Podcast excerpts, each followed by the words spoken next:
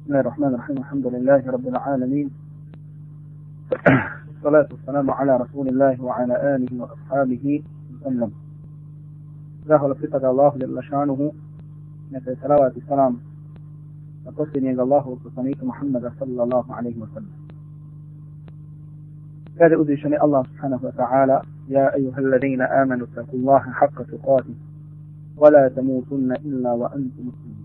وبي كبيرية bojite se Allaha jalla šanuhu istinskom bogobojaznošću i nemojte umirati im kao pravi muslimani. Allaha subhanahu wa ta'ala molimo da nas učini od onih koji ga se boje istinskom bogobojaznošću i da nas učini od onih koji će umrijeti, koji će preseliti samo kao pravi muslimani. Allaha subhanahu wa ta'ala također molimo da nas učini od onih kojima će biti oprošteni grijesi nakon što se raziđu ovog skupa na kojem ćemo za Allahu subhanahu wa ta'ala pomoć spominjati ajete i njegove subhanahu wa ta'ala knjige i hadise Allahu subhanahu sallallahu alaihi wa sallam. Draga braću, mi smo u prošlom dersu, u prošlom predavanju govorili o nekim stvarima koje smo tek tako nazvali savjeti omladini ili uputama, smjernicama ove islamske sahve ovog islamskog buđenja kojeg smo hvala Allahu subhanahu wa ta'ala i svjedoci. Međutim, jedan broj braće je se nekoliko večeri tražio, da tako kažemo, da jedno predavanje posebno učinimo, odnosno da ga posebno uputimo e, našoj braći omladini koji su studenti. Koji su studenti, e, pretpostavljam iz razloga zato što su možda više na udaru nekih iskušenja, nego možda da kažemo neki drugi od uh, naše braće omladine koji se ne nalaze na takvim mjestima. Normalno, to može biti samo jedan nastavak onoga što smo govorili prošli put, jer oni savjeti koji ćemo za Allahu subhanahu wa ta'ala pomoć spomenuti, koji će spomenuti prije svega sam sebi, a zatim da se jedni e, da jedni drugi posjetimo na te stvari, će ako Bog da uz Allahu subhanahu wa ta'ala pomoć koristi svima nama. A sam zato htio da večeras tema naše govora ili ako bi rekli da ga nazovemo, bude el-ifa, odnosno črnost. Draga moja braćo, obaveza je vjerniku i vjernici, gdje god da se oni nađu, da čuvaju svoju vjeru. I da ulaže je maksimalan napor kako bi sačuvali svoju vjeru, kako bi sačuvali svoj din. To normalno znači da ustraje na onim stvarima koje Allah je šanuhu naredio i da ustraje da se kloni onoga što Allah je šanuhu zabrano. Jer vjerniku, gdje god da se našao, u kojem god mjestu, u kojem god vremenu, prelazi će iskušenja. Jer iman, samo vjerovanje podrazumijeva iskušenja. I zato nam Allah subhanahu wa ta'ala u Kur'anu navodi toliko primjera poslanika i kako su oni bili iskušavani. I zato je, da kažemo, zadaća nas kada učimo Allahu za lašanuhu knjigu i kada se spominju iskušenja tih poslanika, da razmišljamo o tim događajima i da iz toga uzimamo pouke i poruke i da to prenosimo u svoj život, da to prenosimo u praksu. I da znamo kao što su oni iskušavani i kao što su oni izdržali, da isto tako mi trebamo izdržati na onim iskušenjima u kojima se mi nalazimo u datom momentu. Draga braćo, zbog čega kažemo da je čovjek obavezan da izdrži? Zbog čega je čovjek obavezan da ustraje? Zato što su posljedice grijeha velike. Zato, ponavljamo, zato što su posljedice grijeha koje čovjek čini i koje čovjek može da učini, one su velike. I o posljedicama griješenja možemo da posebno da kažemo održimo jedno ili dva ili tri ili više predavanja na tu temu.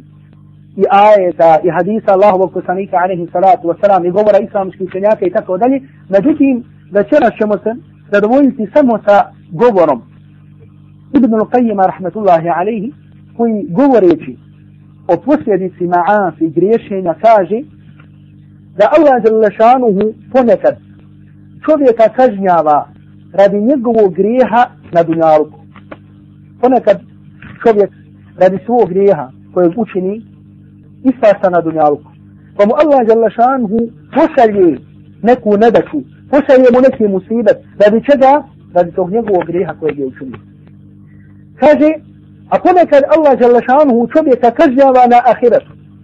To jeste kaznu za taj njegov grije Allah Đalešanhu odloži zašto za ahiret.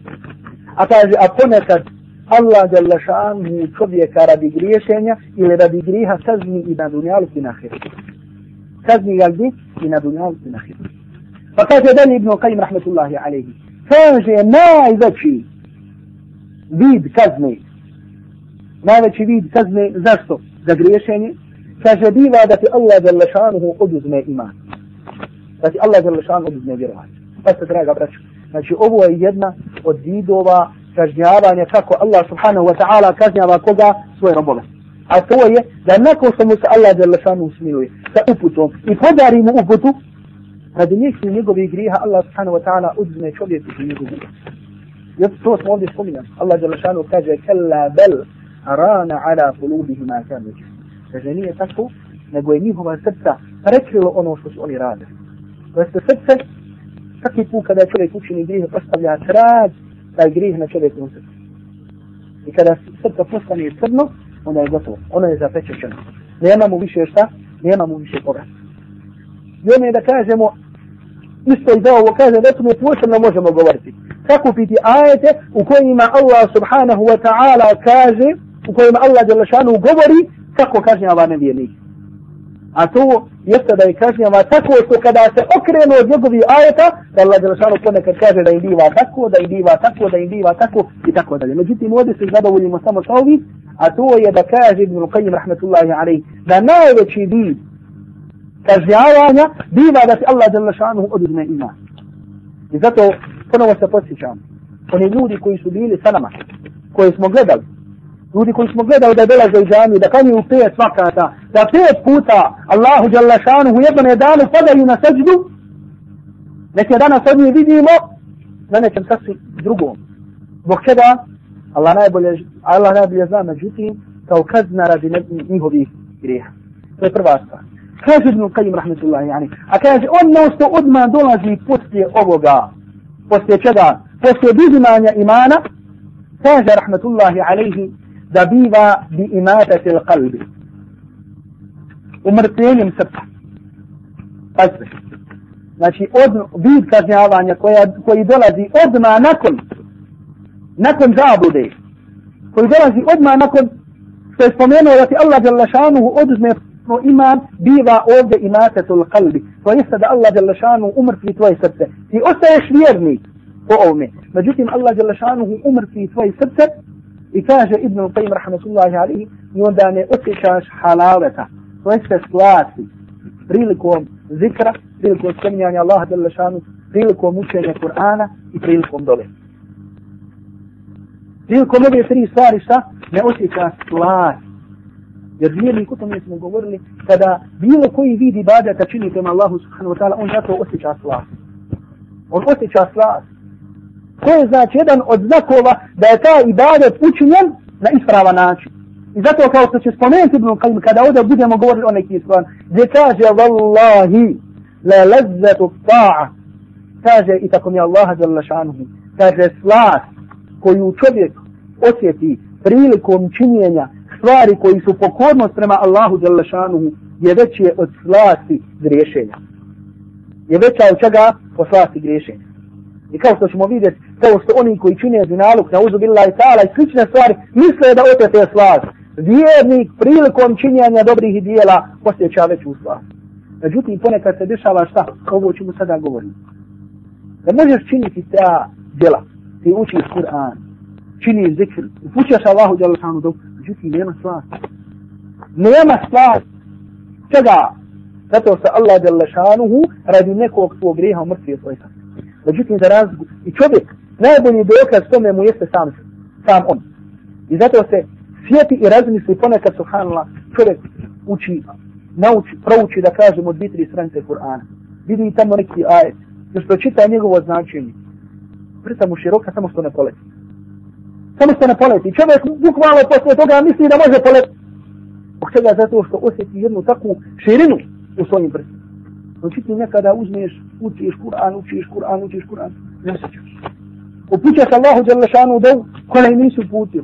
Spominješ Allaha subhanahu wa ta'ala posle namaza, isto i kada ga nisi spomenuo. Zbog čega?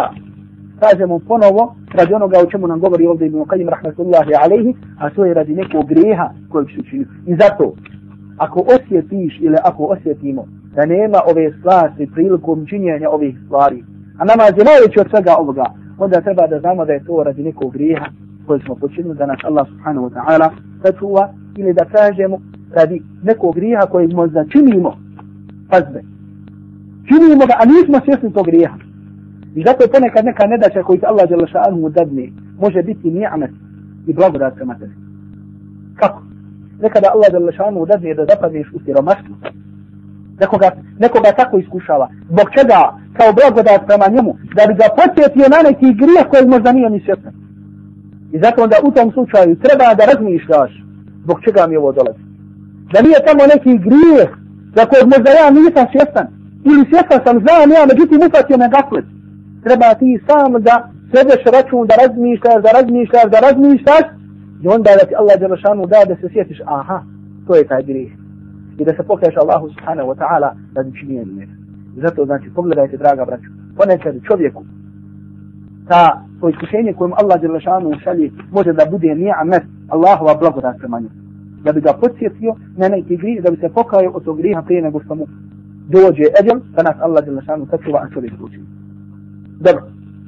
Iz ovog govora Ibn Qayyim rahmetullahi alejhi vidimo, draga braćo, kolika je obaveza da čovjek i u ovim danima, ovim teškim vremenima, da ostaje ustrajan na pravom putu i da moli Allaha dželle da ga pomogne i da bude daleko od vidova griješenja koji su se mnogo proširili. A danas nema sumnje da je jedan od vidova griješenja i nepokornosti ova golotinja i ovo iskušenje na koje nailazi svaki mladić musliman. A pogotovo, kada čega smo učinili ovaj den, onaj koji studira, odnosno onaj koji se nalazi na fakultetu, ili da kažemo na nekom drugom možda radnom mjestu, gdje ima priliku da vidi ono što može da vidi. Da vidi ono što Allah subhanahu wa ta'ala zabranio i ono kao što ćemo vidjeti što je od najvećih grijeha da nas Allah žele šanu od toga sačuva. I sada postavljamo pitanje. Kako jedan mladić koji se nalazi na takvom mjestu, na kakvi uopšte kako mi, koji samo kada prođemo ulicu, idemo šta vidimo, dovoljno ti bude. Dovoljno ti bude da zaboraviš mnoge stvari, to jedan brat kaže i dunjalu i ahirat. A za, kamo li onaj koji možda je primoran da bude na tom mjestu 4, 5, 6 sahata dnevno radi studija na koji. Zato postavlja se pitanje kako čovjek u svemu tome da izdrži. Kako u svemu tome je čovjek draga moje braćo da ostane četiri. Pa kažemo, a možemo spomenuti dosta stvari.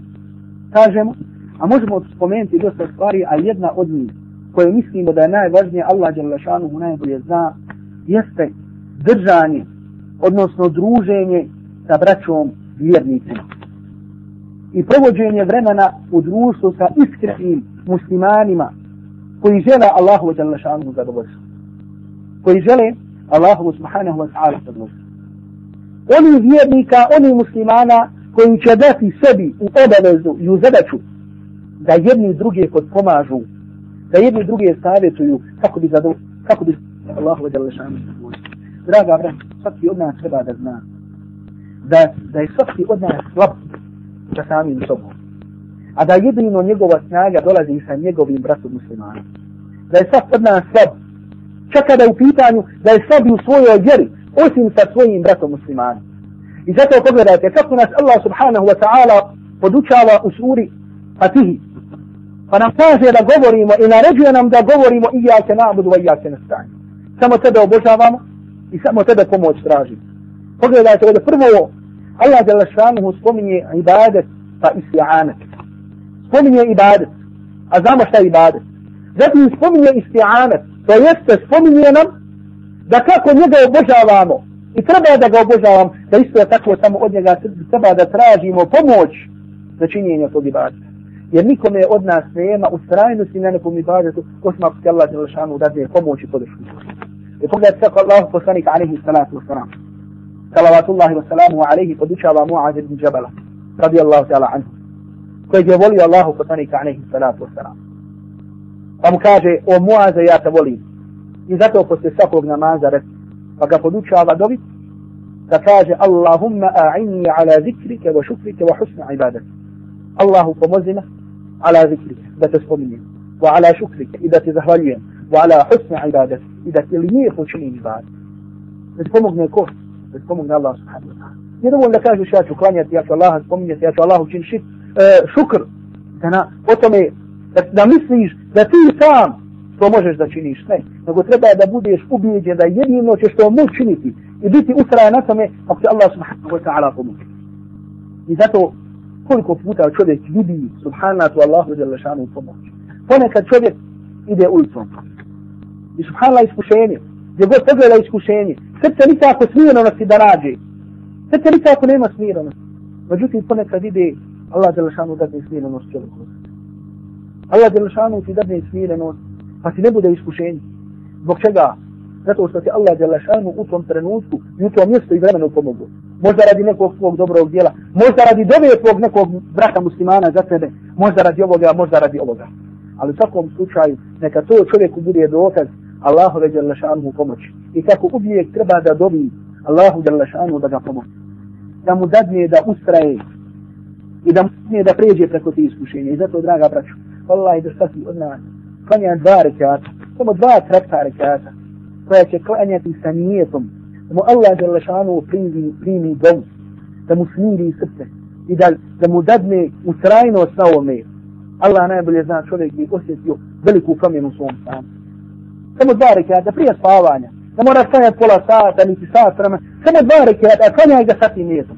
Da ti Allah je lešanu dadne smirenost i da ti dadne da ustraješ i da te sačuva od ovih iskušenja. A druga stvar koja nas u ovom istom ajetu podučava i ja te nabudu, i ja te jeste da nam ovo spominje množinu. Da nas Allah Đelešanu ne podučava da kažemo samo tebe i ja te a'budu i ja te esta'in. Samo tebe obožavam i samo tebe pomoć tražim. Ne, nego samo te obožavamo mi. Allah Đelešanu nas podučava zajednici i džematu u svim stvarima. Jedna od osnovnih svrha tog džemata i te zajednice da kažemo svi sami sebi, da nam je zaj, zadaća da jedni druge podpomognemo i da jedni druge savjetujem. Da vallahi da dođem i da savjetujem nekoga da pokažem svoje znanje, kako sam pametan, u stvari kako sam glup, ili kako ovo, ili da, da nekoga ponizim, nego samo da dođem i da mi bude Allahovo djelašanu zadovoljstvo, namjera i cilju svemu tome. I da taj moj brat, da ga Allah djelašanu udalje to grijeha, jer ako umre na tome, teško njemu. Ako mene Allah Đelešanu sutra iskuša sa tim, umre na tome teško meni. Zato nikada ne smiješ nekoga poniziti radi nekog grija. Pošto je došlo u hadisu, međutim, hadis, u hadisu ima slabost. Hadis je zabilježio crmizi u svom sunenu, gdje se prenosi da Allah poslani sallallahu alaihi wa sallam rekao, međutim prenosi se, veliki broj muhadisa kaže da je hadis zaid, men ajjara ahahu bi zambin lam jemut hata ja'mela. Kaže, ko samoti svog brata, muslimana radi nekog grijeha, neće umrijeti da Allah dželle ne iskuša sa tim grijehom. Man عير akhahu bi zambin lam حتى يعمله. هو Ko osramoti nekog brata radi nekog grijeha, neće umrijeti dok Allah dželle šanu ne iskuša sa tim grijehom. Jedan broj učenjaka kako se Ibn Qayyim ukazuje na ispravno značenje ovog hadisa. Na ispravno značenje ovog hadisa, iako hadis sa svojim on je od senedom koji je on je. I zato jedino služimo tamo gdje hajr. Tamo gdje se spominje Kur'an, gdje se spominje sunnet Allahovog poslanika sallallahu alaihi wa sallam. Jer kao što je došlo od jednog selefa da je rekao, da će tvoja duša, ako je ti ne opteretiš sa hajrom, sa dobrim, ona će sebe opteretiti sa šarrom, sa je loše. Či tvoja duša, tvoje vrijeme, ako ti samog sebe ne opteretiš i ne zadužiš da činiš stvari koji su hajr, pošto učenje Kur'ana, doće šeitan koji će iskoristiti to. I on će te zaposliti. Ali u svakom slučaju ti ćeš biti zaposlen. Međutim, hoćeš li ti kao muslima sa sebe zaposliti, jer će te šeitan zaposliti, to je druga stvar. Međutim, u svakom slučaju, šeitan će tebi naći šta ćeš raditi. Onda opet prije spavanja, ćeš skontati da si nešto radi. Da si možda gledao televiziju, da si bez veze pričao nekim stvarima, da si ovo, da si ovo, ali opet si to trošio snagu. Za razliku da si svoj nefs opteretio sa hajrom, onim stvarima kojima govorimo, ne bi šeita našog prostora da to uči u ovim stvarima. Zato ćemo ovdje spomenuti što bi se sačuvali ovih iskušenja o kojima govorimo, nešto što nam je spomenuo Kajim rahmetullahi Aleyhi, kada u pitanju zinaluk. Kada u pitanju ovaj veliki grijeh koji je danas da Allah Đalešanu sačuva ljudima do, dostup da i tako da. ابن القيم رحمة الله عليه قبر يتشودين عالك ووبلكم بيه مزقي الله سبحانه وتعالى كاد ولا تقرب الزنا إنه كان فاحشة وساء سبيلا لم يتسك بجامة دينالك الله قال كان نكار يرمو كبشي لم يتسك بجامة دينالك زي سيطو فاحشة زي سيطو أدراك زي سيطو ميزم أدراك وساء سبيلا إتوالي ابن القيم رحمة الله عليه نزفوس دينالك put bluda. Pazi, ne kaže sami zinaluk ili sami blud, ne nego put bluda i put, zina, put zinaluk. I kaže najgori put od svih puteva.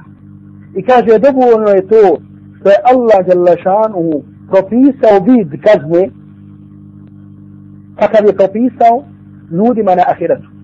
Pa kaže da će takav takvim vidom kažnjavanja, oni koji su činili zinalu, biti kažnjavani i u berzahu i na ahiretu.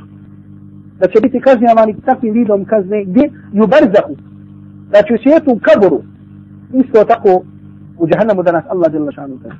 A to je na hadis koji je zabilio žima Bukhari u svom sahiju gdje kaže poslanik sallallahu alaihi wa sallam da je vidio usnu, a smo viđenje poslanika istina i to je jedan od videova objave, kaže da su mu došli ljudi koji su ga odveli hadis je dug, nalazi se u Buhari, i da su mu pokazivali ljude kako bivaju kažnjeni, kako bivaju u patnji. Misli se na onom svijetu. Pa kaže, pa sam došao, pa između toga sam, kaže, vidio koji se nalaze fi sen nur. Kaže, koji se nalaze kao u jednoj posudi. Kaže, čije dno široko, a vrh te posude je, kaže, uzak. Dno je šta? Široko, a kaže, vrh je uzak. I kaže, u njemu su ljudi koji su goli muškarci i žene bez odjeće. A ispred kaže te građevine, kaže, nalazi se vatra. Kaže, koja kada se razbukta, kaže, oni, kaže, samo što ne izađu gore. Međutim, taj vrh je šta uzak, a dno je široko. Kaže, međutim, ne mogu da izađu. I kaže, vatra se smanji, i vatra se razbukta, i smanji, i razbukta, i tako svaki put. I na kraju tih kazivanja, Allahu poslanik sallallahu alaihi wa sallam pita ko su ti ljudi kako bi nas poslanik sallallahu alaihi wa sallam podučio, da bi čega tako bivaju kažnjavani, a za one koji su bili kažnjavani kao što smo spomenuli, Allahom poslaniku sallallahu alaihi wa sallam rečeno je u muzunat. To su kaže oni koji su činili zinam. To su oni koji su činili zinam. Pogledajte kako je Allah jalla šanu učinio da budu kažnjeni oni koji su činili zinam na dunjalu. Oni koji su ovakav put izabrali. Oni koji su ovo učinili. I kaže Ibn Qayyim rahmetullahi alaihi da će ovako u berzahu i u kaboru i na ahiretu biti kažnjavan. Druga stvar, draga braćo, iz koje se vidi odvratnost ili veličina ovog grijeha, što Allah jalla šanu mu satele ili oduzimati jednu od najljepših osobina ako počiniš to odjel. A to je ala To je ono o čemu govorimo, to je ta črno. Čovjek kada počini ovaj grijeh nije više čedan. Nije više afij, Nego se sada za njega kaže šta? Al-Fajr, al-habis, al-fahiš. Spominju se izraz u arabskom jeziku al-habis. Onaj koji je peksi, koji je prljav. Al-habis. Onaj koji je griješan. Zinalučar. Dovoljno da kažemo zinalučar. Da čovjek koji učini to da više nije od čednih Allahovi zrlešanu robova, nego da je sada postao zinalučar. Pogledajte ovo, ovo nije ustav ovome da čovjek, da ljudi znaju da je taj i taj čovjek postao, nego između njega i Allaha subhanahu wa ta'ala, on više nije čedan, nego on sada griješni, on je sada zinalučar. A dovoljno ime samo govori, ne da Bog da neko bude od zinalučara, da nas Allah zrlešanu toga sačuva. Pogledajte, draga braćo, čednost kao čednost nema da kažemo nebeske objave ili da kažemo danas vjere ili religije ili pravca koji bi slijedi bilo kakvih puteva bilo kršćani, bilo židovi a da kod njih ova osobina također nije velika da kod njih šta? Ona osobina također nije velika. I da nisu posebno cijenjeni mladići i djevojke koji šta? Koji imaju kod sebe ovu osobinu. Koji su dalek, daleko od ovog ružnog i odratnog djela. Ne samo to, nego sam čak možda ljudi koji ne vjeruju Allaha subhanahu wa ta'ala nikako. Koji su materialisti cijene ovu osobinu. Međutim, pogledajte isto tako kako musliman kada se udalju od ovoga. Kako čini ovo. Ili da kažemo teži tome. Međutim, pogledajte kako nas je Islam počastio da budemo daleko od ovoga. I pogledajte kako nam pojašnjava putele i kako nam pojašnjava načine da se sačuvamo od ovog odratnog djela. I dalje kaže Ibn Qajim rahmetullahi alaihi da jedan od dokaza koji ukazuju na veličinu ovog grija. Da Allah je šanuhu, pored da kažemo potpunosti njegove milosti, da je propisao kaznu kako je propisao za, onog, za onoga koji učinio vodio. A to je šta? To je da bude da se kamenuje. Međutim, pored svega toga da sa još, kaže Allah subhanahu wa ta'ala, wal ješhada azabahuma ta'ifatun min al-mu'minin. Neka skupina vjernika posvjedoči to njihovo kamenovanje. Neka skupina vjernika posvjedoči to njihovo kamenovanje, neka posvjedoči to njihovo ubijstvo. Allah subhanahu wa ta'ala koji je milosti, međutim da kažemo takvu kaznu propisiva, koja je također rahmet, koja je također milost ljudima, da takvo biva učinjeno sa onim koji su ovo učinili. Zatim od stvari koje ukazuje na veličinu ovoga dijela. Također kao što spominje ovaj učenja, samo s Allah delu šanu. Jeste i to, draga braćo, što čovjek ne može da učini ovaj grijeh, a da učini samo njega. Ima, imamo grijeha koje čovjek, koje čovjek može učiniti, međutim samo da učini taj grijeh. Međutim, zinalu, to je nemoguće. Nemoguće je da čovjek učini samo zinalu. Nego prije toga i poslije toga mora da učini mnoštvo grijeha. Je moguće da danas, da kažemo jedan čovjek koji je musliman, da samo tako negdje dođe i da učini zinalu. Nije. Nego prije toga čini također stvari koje su zabranjene. Normalno, početak svega toga je pogled. Ili da kažemo govor koji je zabranjen. Ili ide traži kako to da učini. A sve je sve zasebno haram i posebno mu se piše kao haram. I onda normalno kada dođe grijeh koji učini da Allah je šanhu sačuva.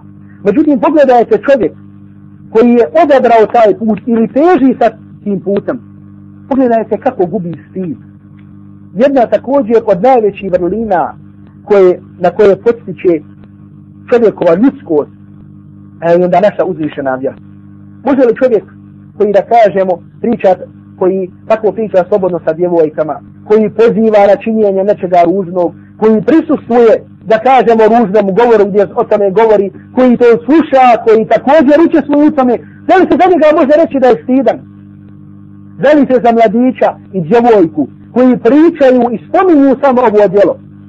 O njemu govore, može li se za njih reći da su stidni? Oni koji krenu da kažemo tim putem do činjenja tamo, može li se za njih reći da se, da se tim Ne može. Međutim, naša vjera toliko postiče i toliko govori o stilu, o čemu također možemo posebno da govori. Međutim, draga braćo, na što želim posebno da ukažemo ovdje, prilikom ovoga našeg skupa, jeste da postavimo pitanje i da kažemo odakle počinje sav ovaj zinaluk. Počinje od pogleda. Sav belaj o kojem govorimo dolazi od nečega što se zove bastar, što se zove pogled. Kao bolaj počinje od nas kao što kaže pjesnik u jednom svom stihu da ga sada ne, ne citiram, kaže i najveći belaj, kaže, dolazi od pogleda, a kaže i velike vatre, kaže, počinju sa malim žaravicama. I velika vatra, šta? Kada izgori kuća, kada izgori ovo, odakle je počela. Nije odjednom ona došla, nego je počela od neke male žaravice, od neke male, male vatrice, dok nije došla do otra. E tako isto, da kažemo Allah subhanahu wa ta'ala i njegov poslanik sallallahu alaihi wa sallam nas podučavaju da kada je u pitanju ovaj belaj, koji smo vidjeli koliki je da dolazi od samog pogleda. I zato kaže Ibn Qayyim rahmetullahi alaihi, kaže da nema stvari koja je gora za čovjekovo srce min irsal il basar, od samog pogleda. Nema stvari koja je, govo, koja je gora za čovjekovo srce od samog pogleda.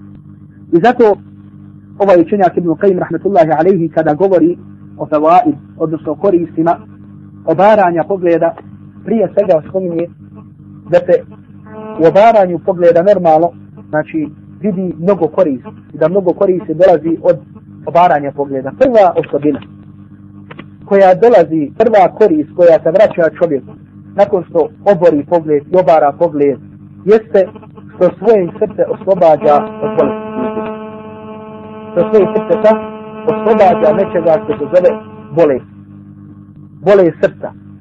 Tuga koju čovjek osjeti u svom srcu. A to je šta? To je, drage braće, da čovjek nekada kada vidi, vidi ono što Allah Đelešanuhu zabrani. Zna da do toga ne može, sada dođe. Međutim, on želi da to ima. Želi da do toga dođe. I onda čovjeka što se mi kažemo, ufati veliki srnjak u njegovim prsima. Čovjek osjeti veliki bol. Kao što kaže jedan od poznatih pjesnika arapski, Al-Asma'i, kaže, jedne prilike, kaže, kada sam činio tavaf, kaže, zagledao sam se, kaže, u jednu lijepu djevojku. I kaže, gledao sam, i gledao sam, i gledao sam. I kaže, onda mi se ona obratila. Kaže, nakon što je vidjela da gledam, kaže, obratila mi se i rekla, kaže, ra'ajta allazi la kulluhu anta qadirun alaihi wala an ba'dihi sabiru. Kaže, ti, kaže, sada gledaš ono do čega ne možeš doći, a od toga isto tako ne može da se suzdržiš. Samo ona kaže, kaže, ne možeš za mene doći, gledaš ono, znači ne može da bude tvoje, džaba gledaš. A u isto vrijeme dok gledaš, sam sebi stvaraš bol koji nećeš moći da pretrpiš. Reste pa zbog čega da gledaš. Znači čovjek gleda, pogotovo ako je musliman, neće sebi dopustiti toliko neće otići pa da učini taj grijeh, Jel tako? Međutim, u isto, u isto vrijeme osjetit će veliku bol u svom srcu. I Bog zna koliko će se ta slika vrtiti u njegovoj glavi radi tog pogleda što je pogledao. Radi čega? Radi toga, draga braću, što je pogledao. Međutim, čovjek kada obara pogled, smanjiva svom srcu, smanjiva svom srcu bol. Smanjiva svom srcu tugu koja dolazi nakon toga što čovjek pogleda ono što Allah je lašanuhu zabrani. Zatim, druga stvar, druga osobina ili druga korist koja dolazi čovjeku poslije obaranja pogleda, isto što Allah je daje tom čovjek nur, daje mu svjetlost u njegovo srce i u njegovo lice. Daje mu šta? Nur u njegovo srce i u njegovo lice. Ima hadis od Allahovog poslanika, alaihi salatu wa sallam, međutim hadis je daji, u kojem se kaže da onaj ko bude oborio pogled, da će mu Allah za podariti nur u njegovom srcu. Međutim, hadis je također daji. Međutim, Ibn Qajim, rahmetullahi alaihi, za ovakvo značenje uzima dokazi sure An-Nur. Za ovo značenje uzima dokaz sure An-Nur. I kaže, pogledajte, kaže, kako Allah za spominje ajet, Allahu nuru samavati wal ard. Allah je nur, Allah je svjetlost nebesa i zemlje. Kada spominje ga nakon što je naredio vjernicima da obaraju svoje poglede. A odmah prije, prije, prije toga ajeta, nekoliko ajeta prije toga, Allah jalla šanu kaže kullu mu'minina yaguddu min absari. Reci vjernicima, neka obore svoje poglede. I kaže vjernicama, i reci vjer, i kaže od poslaniku alaihi salatu i reci vjernicama neka obore svoje poglede. Kaže ovo kao da upućuje da onaj koji obori svoj pogled, da će mu Allah jalla šanu dati od svog nura. Zatim od sljedećih stvari jeste, jer spomenuo je nekoliko, da skratimo jeste, kaže što čovjek kada oslobađa svoje srce prilikom obaranja pogleda, odnosno čovjek tada ne biva rob svojih strasti. Ovo je veoma važna stvar u svi u nas znamo. A to je da čovjek od pokuđenosti strasti i sljeđenja strasti, da je čovjek esiru šahvatihi. To čovjek onda postaje rob svojih strasti. I ne postaje rob svog razuma i da čini ono o čemu je prethodno razmišljao, nego čini samo ono što mu kažu njegove strasti. Jedan pjesnik kada opisiva ovo, stanje ovakvog čovjeka, kaže ka usfuratin fi kefli fi kefli tifli jesumuha, kaže poput vratka u, ruk, u rukama djeteta, džadu rada wa tiflu jelhuva jel'abu. U značenju toga, kaže poput vratka, kaže u rukama nekog dječaka. A kada taj dječak jel huva ili abu, on se samo igra. Isto tako strast.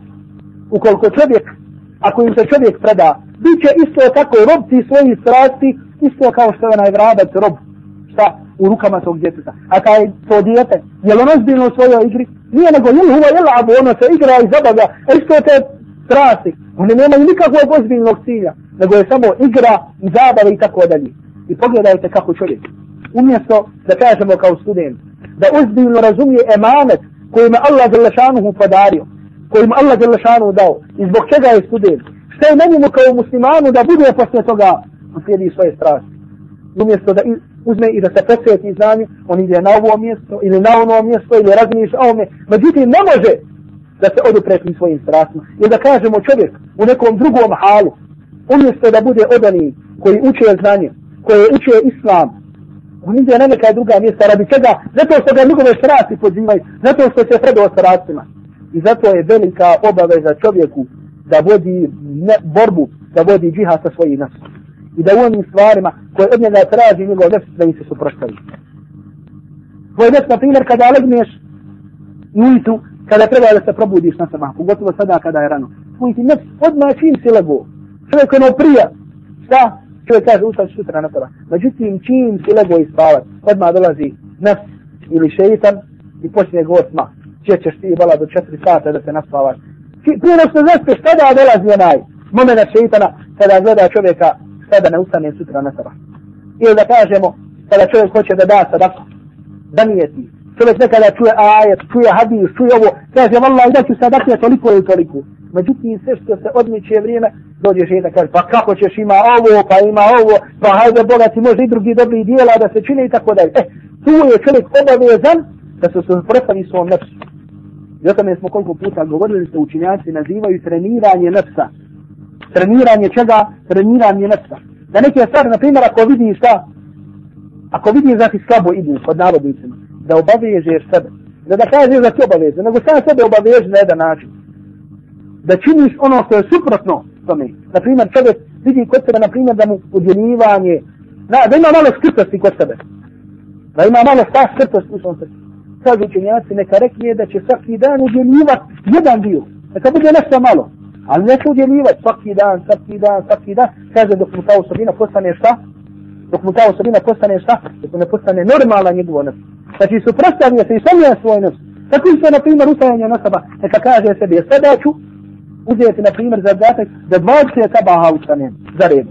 Jesi je sebi zadatak mi je 20, i ustaje, ustaje, poslije 20, ili poslije 40, kao što kaže jedan broj učenjaka, sada ćem postati nešto sasvim normalno. I pobjedio svoj nes, ili pobjedio šeitana kada u pitanju koji.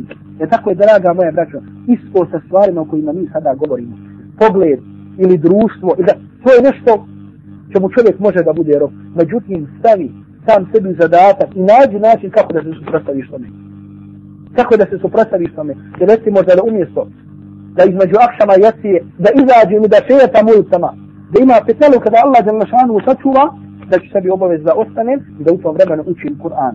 Ili da kažemo da sa nekoliko svoje braće učim Kur'an, da čitamo neku knjigu i tako dalje. Znači, razmišljaj sam. Nemoj čekati da će doći neko upate za ruke, reći radi to i to. Nego sam ti razmišljaj o tome, o načinu kako da se suprostaviš svom nefsu i kako da ono na čemu smo, o čemu smo u početku govorili, im da svoju dušu opteretiš. Presta kojim vidom hajra. Jer ako je ne opteretiš, ona će sebe opteretiti sa šerom, sa onim što je zlom. Vjerojatno, ko to kaže jedan od selefa, kaže, jer uglavnom govori o vrijednosti ove izreke. Međutim, pogledajte uvišno njenu vrijednost. Kaže, tvoj nefs, ako je ne opteretiš sa hajrom, ona će tebe opteretiti sa zlom. I uvijek neka nam ovo bude pravilo.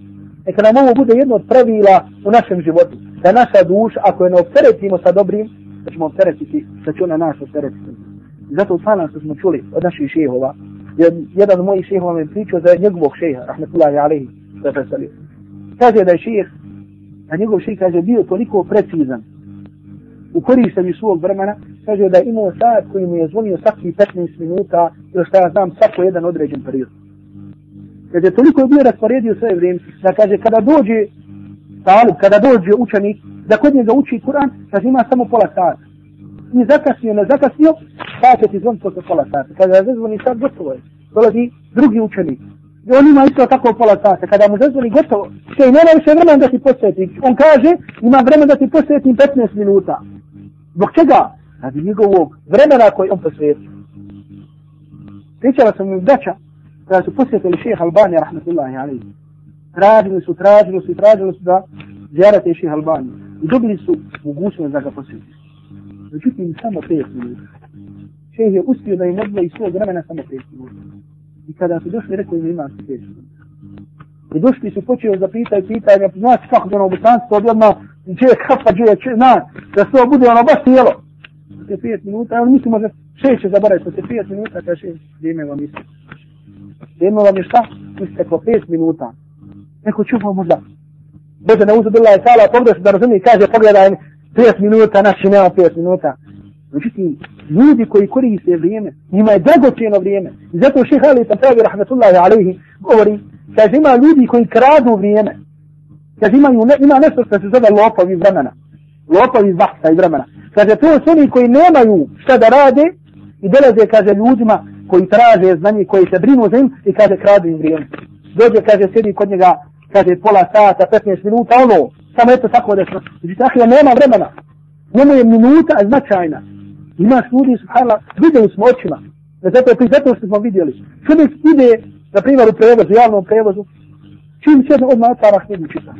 I nije to čitanje, ono znaš, nego čovjek uzme, predvrati, a sedi u autobusu ili sedi, što dole ima mikrobas, znači ovi, kao ovaj, kombi za prevoz, unutar samog grada. Čovjek to vrijeme iskoristava. Možete vidjeti čuda i čuda kako ljudi iskoristavaju svoje vrijeme. Znači, u minutu. Ima ljudi kojima je baš minuta, pet minuta, deset, značajno. Njemu kada uzmeš šahi pola sata kod da si mu, gore je to nego da mu uzmeš ne znam koliko i metka je da mu učiniš ovo, zbog čega, zato što čovjek želi da ovaj dunja provede što kvalitetnije. Međutim, imaš ljudi, ono znaš, sa imama nema ništa, ono, ma evo beze, kaže, mahnita, se luda, čovjek ne zna šta će od tebe, pa je musliman, pada Allahu djela šanu na seždu, student pored svega toga, ili da kažemo čovjek, ožen ima familiju, kaže, ne zna šta će svog vremena. Evo, ne znam, kaže šta. Evo, kaže, ima od aksama do jete, ne znam šta ću. To je normalno, svima nama može doći, ili svi mi da prevalimo preko naših jezika, međutim, neka bude ovo da se pomenemo, da vjernik ne može tako nikako da razmišlja.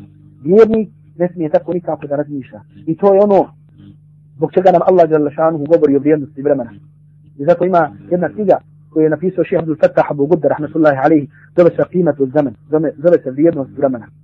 Koliko su ljudi koristili su i šejh pomni čudne priče da kažemo iz od vremena učenjaka koliko su, kako su koristili svoje vrijeme. Jedan od učenjaka je kada bi oštrio svoju olovku, braćo, kada bi oštrio svoju olovku, Pa tako ko što ono otprilike danas ima, mada danas malo ko koristi suhe olovke, je sakupio ono, je tako ono što ostane. Ja je sakupio, sakupio, sakupio. Toliko se je sakupilo kada je umro, da se je mogla nalosti vatra gdje se ugrijala voda od koje je okupan, od koje su ga okupali.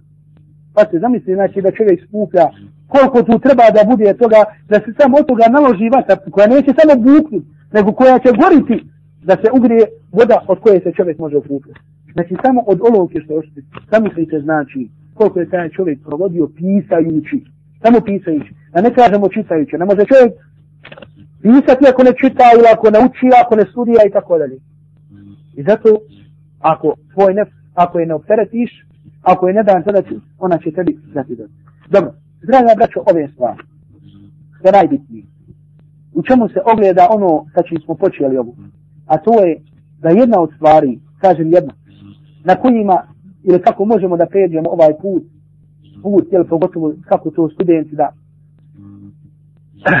lakše da prođu ta iskušenja, jeste da ove stvari koje, u kojima smo sada govorili o, o opasnosti sinalo, o baranju pogleda, možda neko od nas može da ga dirne u srce, pa stvarno da se potrudi da obara pogled. Međutim, možda to svima nama može da kažemo, Ili bilo koja druga stvar, kada je čimo da traje dan, dva, tri, četiri, pet, sedmica, dvije, sedmica, onda polako počne hladiti. Počne hladiti, zbog čega? Zato što čovjek to pomalo počne zaboravljati. A čovjek je sam od sebe insan koji zaboravlja. I priroda je čovjek kada on bude u gafletu. Znači da nešto zaboravi. Iako zna to, međutim nekada ne bude dovoljno svjestan od te stvari. I zato e, tu dolazi sada uloga tvojeg brata muslimana ili uloga nas kao braće muslimana da ide druge podsjeti. Na stvari od iluma koje učimo, koje spominjemo, međutim ponekad u nekom, da kažemo, trenutku to zaboravi. I zato čovjek nakon ovoga može možda pogledati i vidjeti svoj hal u kojem se nalazi. A to nekada da Allah Đelešanu oprosti, čovjek se opusti u svemu ovome. Pa nema stida i kada priča o nekim stvarima, da kažemo, gleda.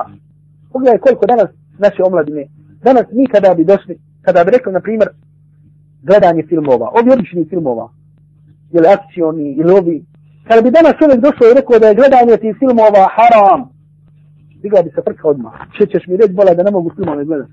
Čovjek je film jedan od, od, od, od, da kažemo, važnijih stvari u njegovom životu. Znači ima vjernika koji dolaze u džami koji tako razmišljaju. Jer Allah Đelšanu pomogne svima. Međutim, ima li danas filma, ima li danas filma, a da nema, na primjer, sve na ako ništa, da se muškarac i žena ljube na tom, u tom filmu. Ali ja neki dan slušam jednog čovjeka muslimana koji klanja pet takata, hvala Allahu Đelešanu, koji kaže, kad je Subhana nekada kaže, kada bi vidio na televizoru, kaže da se ljude, kaže, pa međutim, kaže, sad mi kaže normalno. Govori o svom hali dok je došlo, kaže, sad mi nešto sasvim normalno. I zato da kažemo, ko se nemamo za neki stvari koji su postale normale, a koji stvari nisu normalne.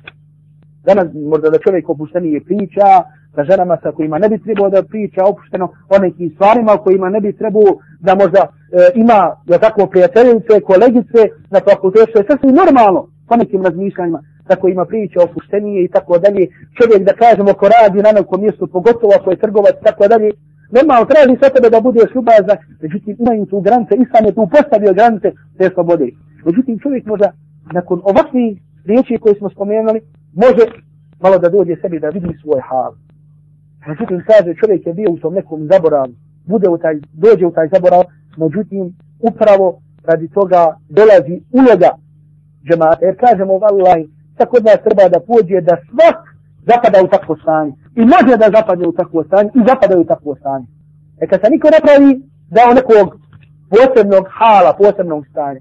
Ali zato ponavljamo da upravo tu se ogleda al-uhuva, da se tu ogleda bratstvo, da kada vidimo čovjek kada se opusti u tim stvarima, da ne vodi računa, da ga uzme za ruku, da ne uzme za ruku i da kažeš da nismo slušali to i to, da o tome nismo govorili, molim Allaha subhanahu wa ta'ala da nas uputi, da nas učini očedni Allahu subhanahu wa ta'ala robova, da nas sačuva od raznih vidova griješenja od svega onoga sa čim on subhanahu wa ta'ala nije zadovoljan. Aqulu qavli hada wa astagfiru Allah li wa lakum fastagfiru. Molim Allaha subhanahu wa ta'ala da nam oprosti i da nas smiluje. Molite da i vi. وصلى الله على محمد وعلى آله وأصحابه وسلم. اصحابه وسلم.